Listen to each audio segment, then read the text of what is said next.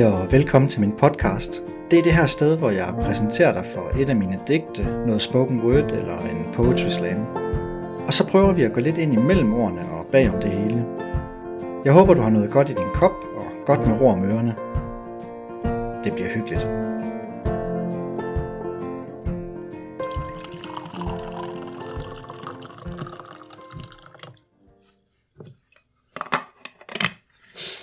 Hmm. Så er sommeren så småt ved at være slut. Vi er kommet hjem igen alle sammen fra, fra alle vores ferier. Det der med at komme hjem, det er næsten noget af det vigtigste ved ferie, synes jeg. For den der fornemmelse, man har i maven, når man åbner hoveddøren for at tage fat på hverdagen igen, den, den kan i virkeligheden være ret afslørende. Var min, var min ferie faktisk en, en flugt fra det her sted? Eller, eller er det også godt at komme hjem i hverdagen igen? I år der har det været lidt anderledes for mig, det her med at, det her med at komme hjem, fordi at, øh, at jeg er kommet hjem til et, til et ret nyt hus. Vi flyttede ind i det her i, i løbet af foråret. Det er et helt fantastisk skønt hus med, med masser af plads og en dejlig stor have og masser af gode mennesker, som bor lige rundt omkring os. Så det var, på den måde var det, var det rigtig dejligt at åbne hoveddøren. Alligevel så er der noget, som, som ikke er helt på plads, kan jeg mærke på en eller anden måde, så er det stadigvæk bare et helt fantastisk hus, det her, men, øh, men det føles faktisk ikke helt som hjemme nu. Jeg tror, det handler rigtig meget om, om alle de der små rutiner i dagligdagen. Automatismerne, vil Morten Olsen sikkert sige. Som faktisk tager rigtig lang tid at bygge op. Hvor smider man lige sin taske, når man kommer træt hjem? Hvilket, hvilket vindue sidder man og, og glor ud af, når man har brug for bare at tænke på absolut ingenting? Og vigtigst af alt, hvor, hvor snakker man lidt, uden at ungerne de opdager det. Trods der er noget med lydene, at øh, der stadigvæk er, er lyde, der er nye. Den ultimative test på, om, om man bor i et hus eller et hjem, det må være det, jeg kalder tisse i mørke-testen. Når man nu sådan mærker blæren bare presse rigtig ubundhørligt på sådan midt om natten, kan man, kan man så klare at stavre de der skridt fra soveværelset og ud til toilettet, uden at lyset er tændt. Og dermed uden at vågne rigtigt. Det er jo det vigtigste det er også som om, at, at jo ældre man bliver, jo vigtigere bliver den øvelse at kunne, kunne mestre. Jeg tror også, der er mere til det her med at komme hjem. Jeg tror faktisk, at man på en måde kan sige, at det der med at komme hjem, det er en af vores aller, aller dybeste længsler. At finde vores helt ægte plads her i verden. At kunne slappe helt ægte af. At kunne tage imod livet sådan helt trygt. I en fortælling om, hvem Gud er, altså selveste Gud, der knytter Jesus Guds væsen tæt, tæt sammen med det her med at komme hjem. Det her med at komme ægte hjem. Historien den begynder ellers nærmest med det modsatte. Der var den her rige mand, som havde to sønner. Og så en dag så beder den yngste søn sin far om sin del af arven. Det er provokerende. Det er faktisk vildt provokerende. I Mellemøsten for 2000 år siden, så svarede det faktisk meget, meget præcist til at sige, jeg sætter mere pris på dine penge, end jeg gør på dig, far. Faktisk, så vil jeg ønske, du var død. Men faren han deler sin arv mellem de to sønner, og den, den yngste søn han tager afsted, og han giver den max gas med den slags venner og kvinder, som kommer lidt, når man har rigtig mange penge, men som også forsvinder lige så hurtigt igen, når pengene de er væk. Og en dag der er pengene væk, og så er han lige pludselig rigtig meget ude i tårne. Men øh, han finder et sted, han kan passe svin. Han går og er så sulten, mens han passer de her svin, at han er tæt på at spise deres mad. Læg til det billede alt det, du ved om, hvad svin betyder og står for i mellemøstlig og jødisk kultur. Det er så her, han kommer i tanke om, at, at arbejderne hjemme hos hans far, de har, hvad de skal bruge. Og selvom jeg jo har brændt broerne, så man nærmest ikke engang kan se asken mere, så kan det da være, at jeg kan få lov til at være arbejder der, tænker han. Og så tager han de her tunge skridt af nederlag hjem mod sin fars gård, mens han øver sig på, hvordan han vil undskylde og underkaste sig og kaste sig ned for måske at kunne komme i betragtning. Det er mens han går i de overvejelser, endnu langt, langt væk hjemmefra, at hans far får øje på ham. Og så løber han faren. Han løber simpelthen alt, hvad han kan. Det gjorde rige jødiske mænd ellers ikke. Slet ikke. Det var omtrent så uværdigt for dem, som det ville være for en dansk direktør i dag at glemme at tage bukser på til et møde. Altså et rigtigt møde, ikke et, ikke et teamsmøde. Men han løber. Åh, oh, hvor han løber. Og han falder ham om halsen. Og han kysser ham. Og han finder den fineste festdragt frem og sætter en ring på hans finger. Og slagter sin allerbedste kald. For min søn var død, men nu er han levende. Han var fortabt, men nu er han blevet fundet, og nu skal der bare være fest. Noget af det, jeg elsker ved mit nye hus, noget af det, der, der gør det til et hjem, det er en plakat med et maleri af præcis det øjeblik, hvor faderen falder sønnen om halsen. Det hænger ikke på en eller anden kongeplads inde i stuen. Det hænger i entréen, så man ser det som det allerførste, når man lige er kommet ind ad døren. For det her er hjem. Det kram er ægte hjem. Og nu får den lige lidt gas, men, men jeg tror så, det er rigtigt nok. Det kram er universets allermest grundlæggende virkelighed. Gud selv. Alt her i verden, som kalder sig hjem, er en skygge af det lys. Alt her i verden, som føles som hjem, er en afglans af det. Det er den britiske kunstner Charlie Mackesy, som har malet øh, maleriet. Måske kender du ham fra hans bog om drengen, muldvarpen, reven og hesten. Eller så skønt at følge ham på Instagram eller Facebook eller Twitter. Charlie Mackesy. Jeg kender ingen som ham, der så klogt og levende kan fortælle verdens allerstørste sandheder med helt almindelige ord. Han er ret fantastisk.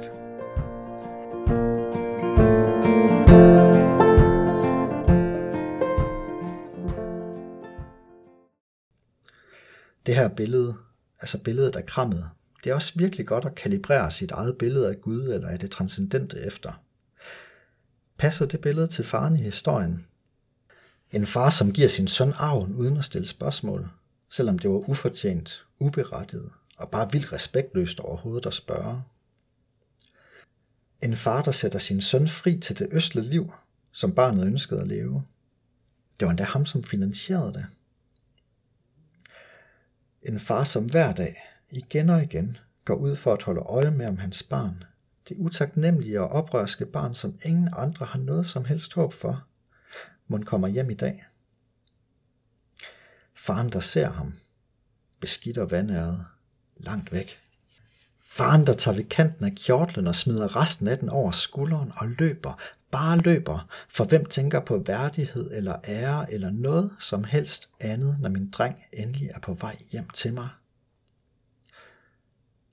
Faren, der kaster sine arme om det beskidte, vandærede, oprørske, håbløse barn og græder af glæde. Faren, der befrier sin søns ansigt for skam, et kys af gangen. Faren, som skyller et hvert tilløb til undskyldning væk i en flod af glæde over, at barnet er her. Faren, der ikke sparer på noget som helst i en kæmpe fest for sønnen, den søn, der ydmygede ham og flod hans hjerte fuldstændig fra hinanden. Sådan er Gud. Det der mentale billede, du måske har af en vred Gud med fuldskæg, som sidder op på Olympen og kaster med lyn, efter nogen, der har tegnet uden for stregerne, eller, eller bare fordi, det er ikke Gud. Den der bare vent til far kommer hjem-agtige Gud, det er ikke Gud. Tværtimod nærmest, når vi lige har hørt historien her. For frygt findes ikke i kærligheden, og Gud er kærlighed. Gud er kærlighed, men ikke på en måde, så alting flyder og bare bliver til ord og begreber. For Gud er en person. Han er for os og med os. Rigtigt. Hvis din Gud ikke kan lugte af sved, fordi han lige har løbet helt vildt stærkt, og hvis hans armhår ikke kilder lidt i næsen, så er der måske også noget, du skal justere. For paradoxalt nok, så er det faktisk rigtig svært at elske kærligheden i sig selv – det er sådan lidt ligesom at spise et stykke smørbrød med appetit på. Men faren i den her historie, ham kan man elske.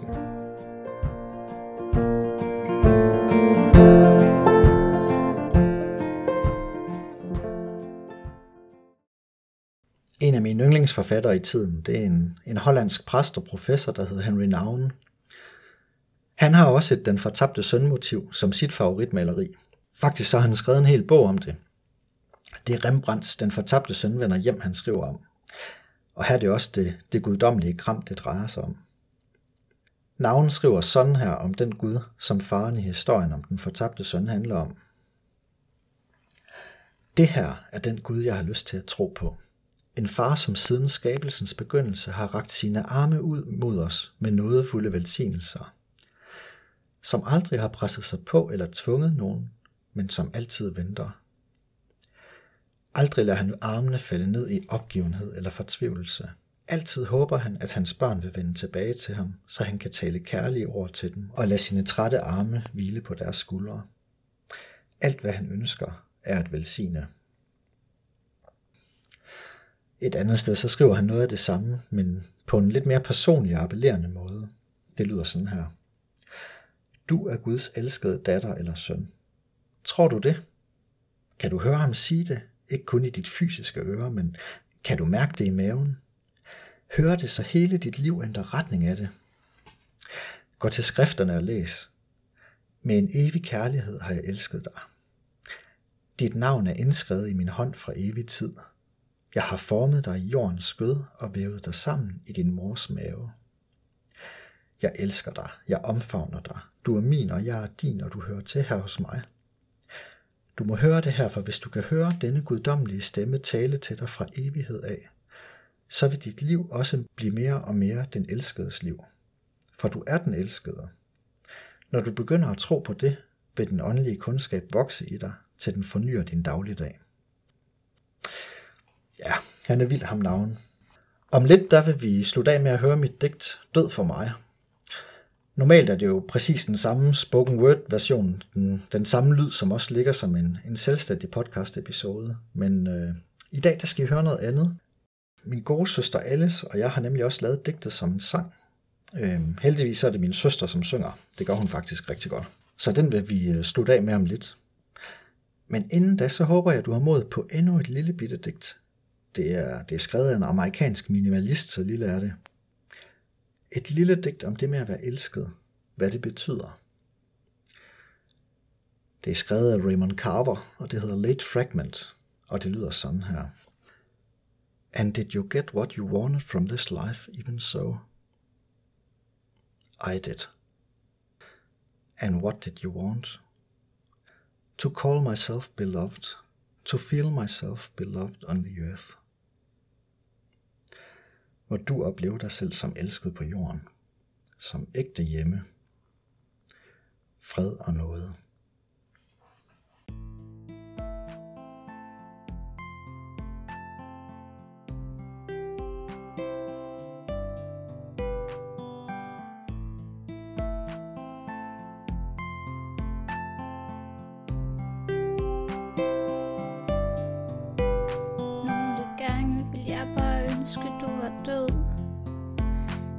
Var nogenlunde sådan nogen faldt.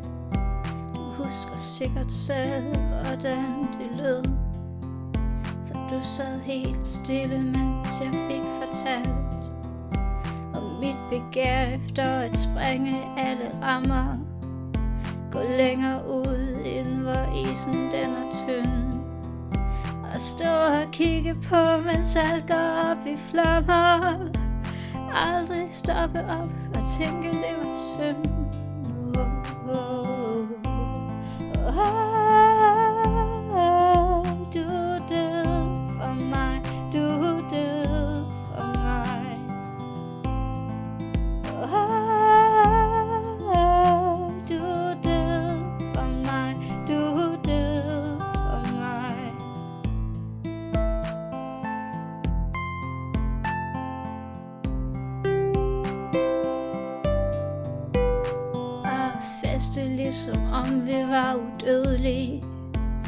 Indtil længslen er kvalm og alt for mæt. Bare feste, som om vi kun var kødelige. Giv for tabt og sætte resten på et bræt. Men det bliver dyrt, og jeg skal bruge dine penge. De sidste ord du fik, før jeg gav mig på vej halvdelen af alt du har bygget op så længe Gav du mig med, da jeg rejste væk fra dig.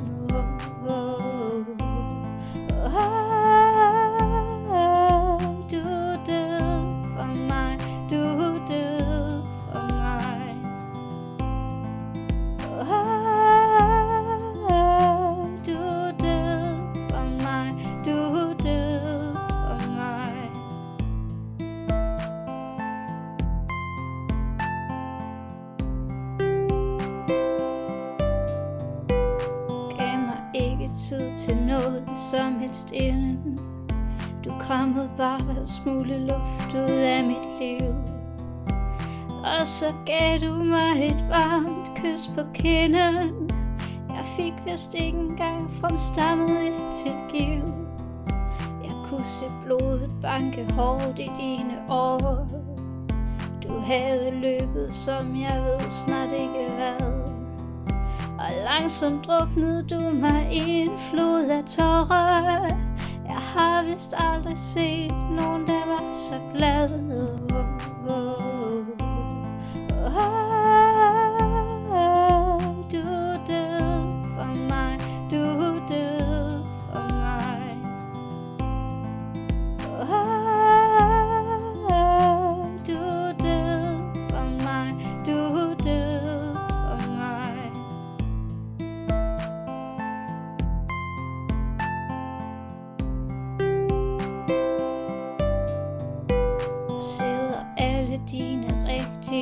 Venner. Og der er fest og vin og verdensklasse mad. Jeg hilser på et hav af udstrakte hænder. Og dit ansigt er så pæv, stolt og glad. Hvilken Gud, hvilken far, hvilken mester. Du som altid møder os med åben favn. Med glædesfulde, milde øjne og med fester. Gud barmhjertighed og noget